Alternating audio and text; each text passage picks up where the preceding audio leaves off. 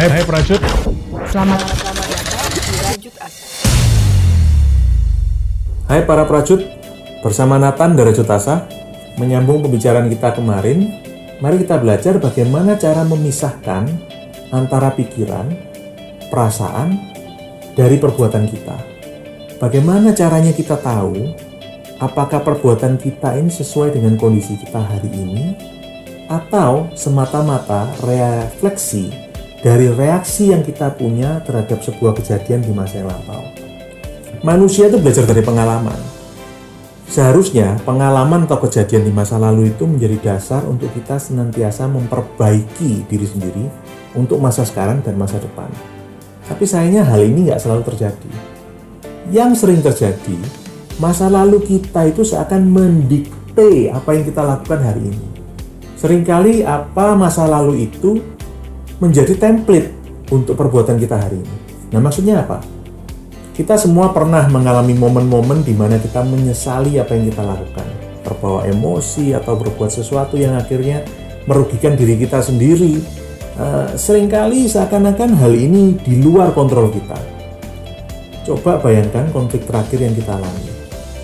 Bagaimana reaksimu terhadap konflik tersebut? Apa yang kamu ingin lakukan saat itu?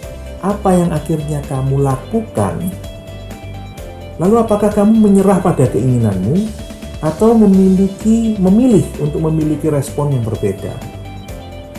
Misalnya, kamu merasa marah.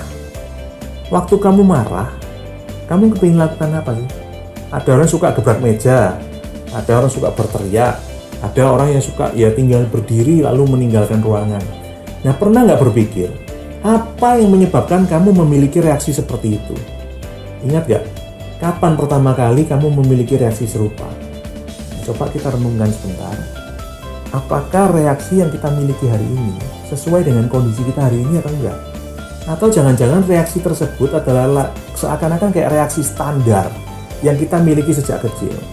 Kita bereaksi seperti itu karena kita sudah terbiasa memilih reaksi serupa dari dulu, walaupun kondisi kita nih jauh berbeda dengan kondisi waktu dulu.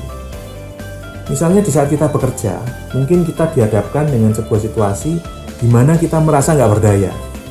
Mungkin kita memiliki tidak memiliki keterampilan atau ilmu yang kita butuhkan. Nah, pertama kali kita merasa demikian itu mungkin waktu kita masih kecil. Waktu itu karena kita nggak bisa, lalu nggak ada yang dimintain tolong, kita akhirnya merasa frustasi dan marah.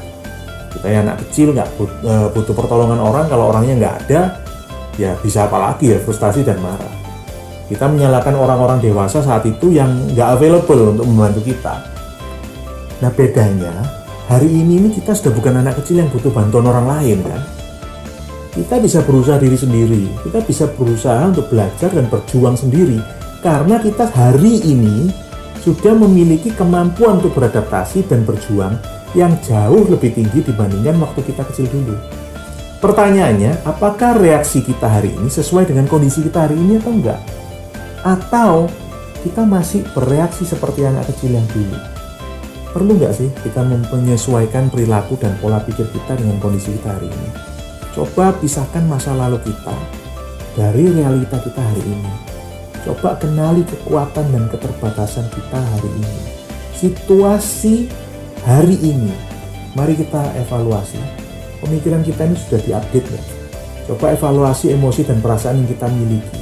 Cukup mewakili nggak dengan kedewasaan dan kemampuan kita hari ini? Akhirnya mari mulai memilih sebuah respon yang bijaksana dan tepat untuk situasi kita. Bukan hanya terjebak dalam sebuah respon standar yang sudah tidak sesuai dengan kondisi kita hari ini. Ingat, kita hidup hari ini.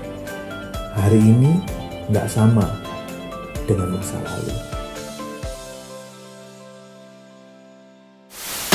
Bersama-sama Nathan